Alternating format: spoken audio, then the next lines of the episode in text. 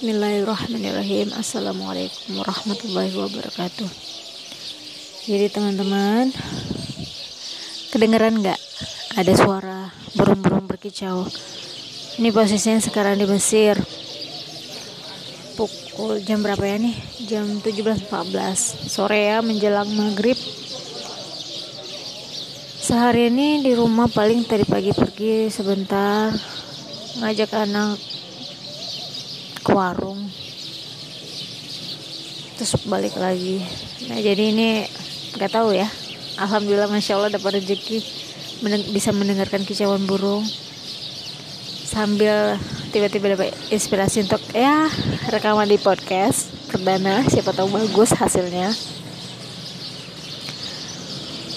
Alhamdulillahirobbilalamin bisa punya podcast bisa ngerekam dalam kondisi yang aman, tentram, anak-anak tidur. Tapi nggak tahu berapa lama nih, karena anak-anak lagi pada sakit, jadi bisa aja bangun sewaktu-waktu. Ya, alhamdulillah ini bisa ngerekam dari kemarin pengen ngerekam nggak bisa juga. Tapi ya nggak ada kisi-kisi poin-poin penting yang disampaikan agar pembicaraannya jelas terstruktur tidak kecepatan ngomong tidak kelamaan tidak ngelantur. Jadi alami aja ini sekarang ngomongnya. Tema yang mau dibahas kali ini mungkin tentang uh, feedback ya vaginal birth after cesar karena pernah ada yang nanya tips-tipsnya tapi guys ini agak-agak hilang-hilang fokus nih karena ngomong sambil ngeliatin burung-burung kecil-kecil tuh nggak tahu nama burungnya apa. Di depan jendela tuh aduh indah banget. Karena kan posisinya ini bukan di taman ya itu pemandangan yang ya alhamdulillah lah alhamdulillah bisa ngeliat itu ya. Ya kita mulai aja ya. Bismillahirrahmanirrahim. Allahumma salli ala sayyidina Muhammad. Fatihi lima ughliq wal khatimi lima sabaqa. Nasiril haqqi bil haqqi wal hadiya ila suratikal mustaqim wa ala alihi wa sahbihi wa uh, pengalaman um, melahirkan itu dua kali. Yang pertama sesar. Yang kedua um, feedback yang pertama itu anaknya 2,8 yang kedua itu tiga setengah hampir 4 kilo. Hmm, lucu kan? Seharusnya yang pertama yang normal yang kedua sesar. Tapi ya itulah kodarullah alhamdulillah kalau mau berusaha ya kita pun bisa mendapatkannya. Ada yang nanya tuh tipsnya gimana gitu. Sebenarnya nggak pede juga untuk membicarakan ini. Tapi eh, mau berbagi rasa syukur karena ada juga beberapa yang nanya walaupun nggak banyak. Yes sehingga saya tuh tiga orang gitu apa empat orang ya nah rencana nulis di blog nggak kesampaian terus. Jadi ya ya udah siapa tahu ngerekam lebih cepet ya. Kalau tipsnya itu kayaknya banyak ya yang nge-share uh, dari sebelum hamil sampai hamil dan uh, setelahnya juga ada hal-hal yang perlu diperhatikan gitu. Kalau sebelum hamilnya itu ya jarak kehamilan diperhatikan. Ini ya ini antara teori dan praktek ya. Uh, ini ini saya sampaikan teori dulu atau bercampur antara teori dan praktek jadi ada yang uh, waktunya kehamilan pertama kedua itu berjaraknya cukup jauh minimal 2 tahun. Uh, terus uh, luka jahitan harus sudah sembuh. Uh, dan banyak hal lain yang bisa dibaca sendiri ya. Salah satunya di uh, tanya feedback tanya saya uh, ada di FB dan juga bidan bidan Yesi ya. Bidan Yesi di IG banyak ngasih informasi. Um, jadi kalau semuanya itu nggak bisa dilakukan hanya beberapa juga nggak masalah. Yang penting kan Allah melihat usaha kita gitu. Dan memang saya alhamdulillah sebelum hamil kedua sudah niat untuk hamil kedua nanti feedback. Udah udah berazam seperti itu. Sehingga saya tuh uh, ada waktu pulang ke Indo waktu itu beli royal jelly gamat gamat royal jelly. Di mana itu katanya untuk uh, mempercepat proses penyembuhan luka di perut. Walaupun akhirnya itu nggak habis diminum karena proses saya pulang itu di Indo nggak lama. Cuma satu bulan satu bulan apa dua bulan ya dibagi dibagi dua minggu dua minggu. Pokoknya dibagi-bagi di Medan di Jakarta Tangerang sama di Sukabumi. Jadinya posisinya itu kan capek sambil bawa satu anak. Uh, dan gak langsung beli si royal jellynya. Jadi intinya kan sibuk packing sibuk ini. Karena posisinya kan kita jarang pulang. Begitu pulang tuh banyak yang mau difikirkan dibeli. Dan memang keluarga besar kami. Jadi intinya kondisinya tidak memungkinkan untuk saya terlalu telaten saya telaten minum itu jadi hanya habis setengah botol kurang akhirnya dibuang. Karena udah kelamaan sampai akhirnya saya udah melahirkan. Feedback alhamdulillah. Nah tapi samping itu sebelumnya juga setelah lahiran sesar tuh saya makannya dijaga sih. Um, telur rebus sampai enak katanya katanya nggak boleh gorengan terus. Apa lagi ya? Ya hal-hal yang intinya untuk pola hidup sehat ya. Healthy life. Ya intinya nggak boleh gorengan banyak kan terus cabai juga dikurangi gitu ya. Kayak gitu. Nah, uh, hal lainnya itu um, itu aja kayaknya sebelum um, hamil kedua. Nah, ternyata tapi saya nggak menyangka saya hamil lagi karena belum direncanakan, belum diprogram. Jadi sempat kaget juga hamil kedua, merasa belum siap. Kondisinya lagi rempong ya, lagi tidak memungkinkan tapi ya Allah ngasih amanah ya Alhamdulillah disyukuri diusahakan dijaga sampai sempat nggak nyangka juga kalau anak yang kedua ini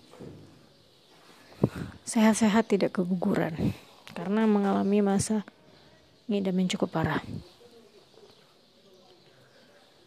Nah proses 9 bulan itu ketahuan kehamilan itu umur di tiga bulan. Itu baru tahu kalau lagi hamil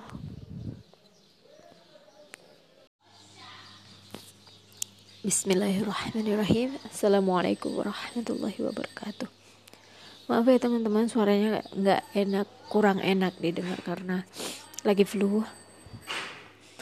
Yang flu tuh anak-anak tapi karena ada satu yang nyusuin jadinya.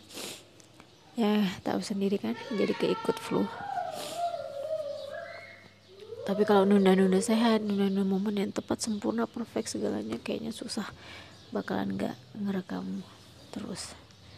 Jadi mohon maaf ini memang untuk sharing informasi. Ya walaupun nggak kelihatan kayak radio banget ya. Kayak kayak punya radio profesional walaupun punya teorinya nggak pernah belajar. Karena kondisinya nggak mungkin kan. Kembali tentang tema feedback. Allahumma salli salatan kamilatan wa sallim salaman tamman ala nabi tanhalu al hawaij wa tunalu bihi raqaib wa husnul khawatim wa istasqa al biwajhil karim. Uh, kalau tanya kembali lagi persiapannya itu yang saya ingat nih beli bukunya follow Instagram terkait artikel terkait itu feedback baca artikel sebanyak-banyaknya terkait feedback persiapan beli alat bantu yang gak banyak banget semampu kalian dan semampu saya. Senam yoga walaupun cuma satu dua kali. Ya, bisanya waktu itu naik turun tangga subuh jamaah di masjid jalan sebanyak mungkin ya ke tempat-tempat dekat yang kita mampu yang rasanya positif atau kita mau. Kemarin itu jalannya ke masjid sholat atau karena waktu itu Ramadan pas mau melahirkan terus um, ke mall bukan mall ya beli perlengkapan anak sih sebenarnya ke toko gitu kan. Jadi untuk latihan jalan juga terus makan kurma sebanyak banyaknya doa udah pasti itu number one ya. Kemudian persiapan nutrisi minum minyak sehat ya seperti uh, FCO virgin coconut oil zaitun kiwi uh, kurma tadi udah kurma muda kurma masak buah yang mudah didapat segala buah. Ada manfaatnya uh, air putih yang banyak air hangat dan lain-lain. Termasuk persiapan install aplikasi menghitung kontraksi mencari pilihan-pilihan dokter terbaik yang pro nah, itu yang paling tersulit.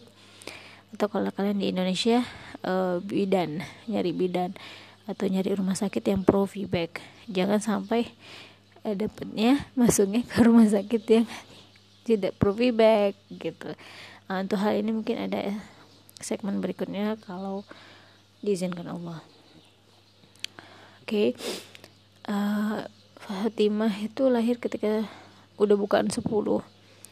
Ya maksudnya karena sibuknya di rumah sakit dan dokter yang profi baik nggak dapet dapet akhirnya bukan 10 baru bisa ini emangnya dari sebelum lahiran gak nyari udah guys udah uh, perjuangan itu luar biasa tapi udahlah uh, nggak usah dibahas yang itu dulu Terus apa rasanya lahiran normal dan operasi? Enakan mana?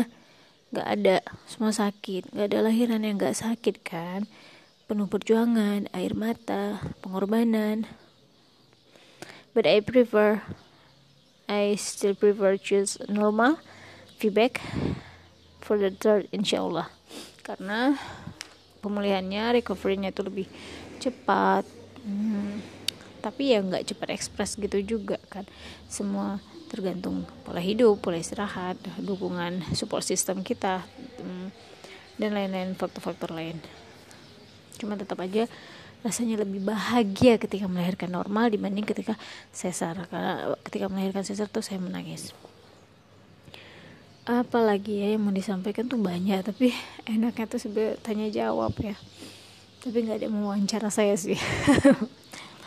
Jadinya diingat-ingat aja ya karena nggak nulis konsepnya juga.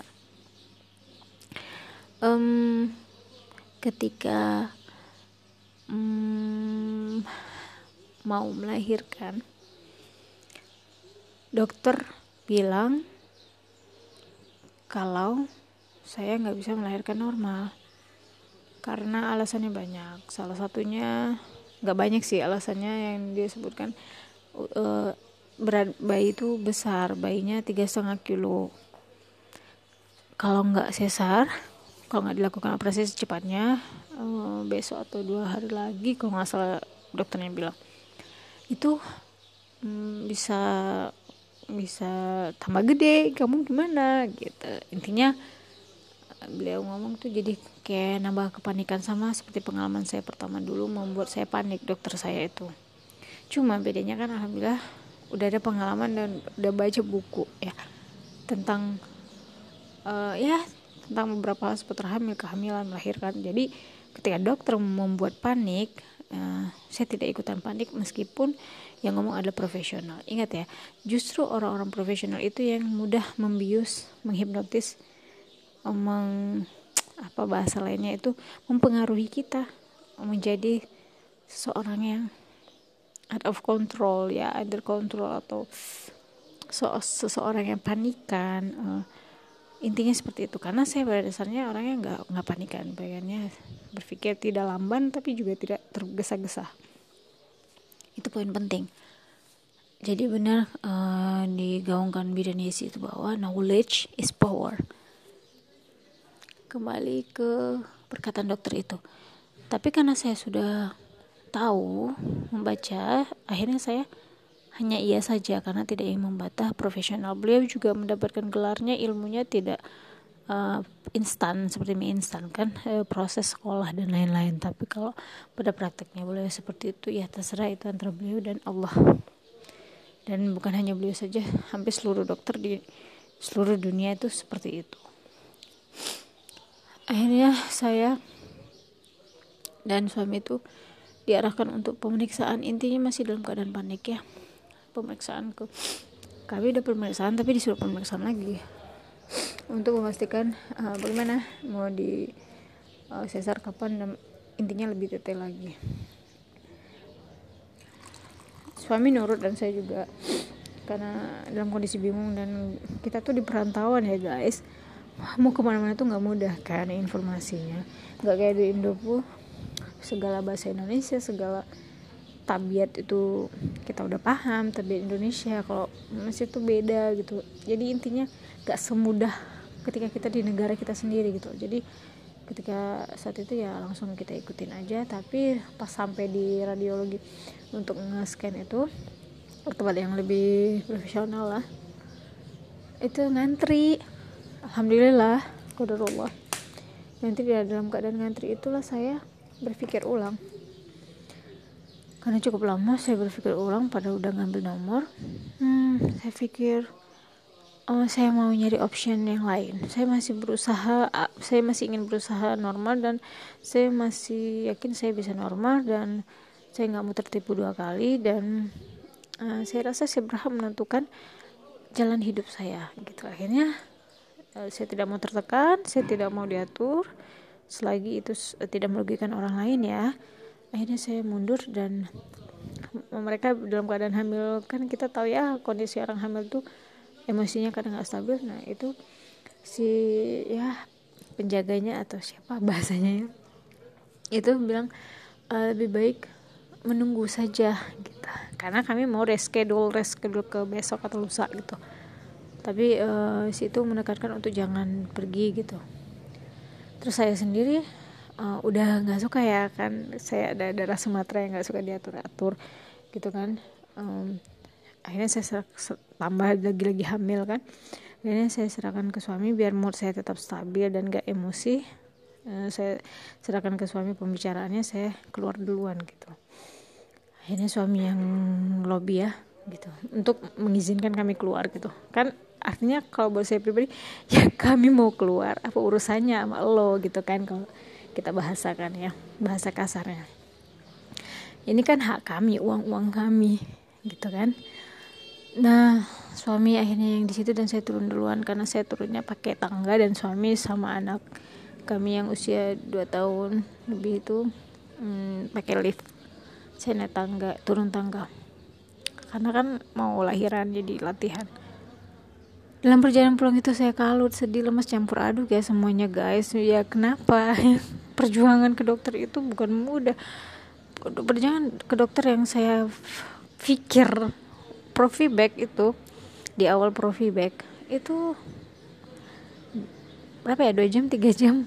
Intinya udah kayak keluar kota sama pulang pergi itu jadi empat jam. Belum kalau nunggunya belum kalau macetnya belum ya Allah dengan bawa anak di perut dan digendong itu kami kadang naik taksi. Kita bukan orang yang miliuner orang banyak uang gitu kan.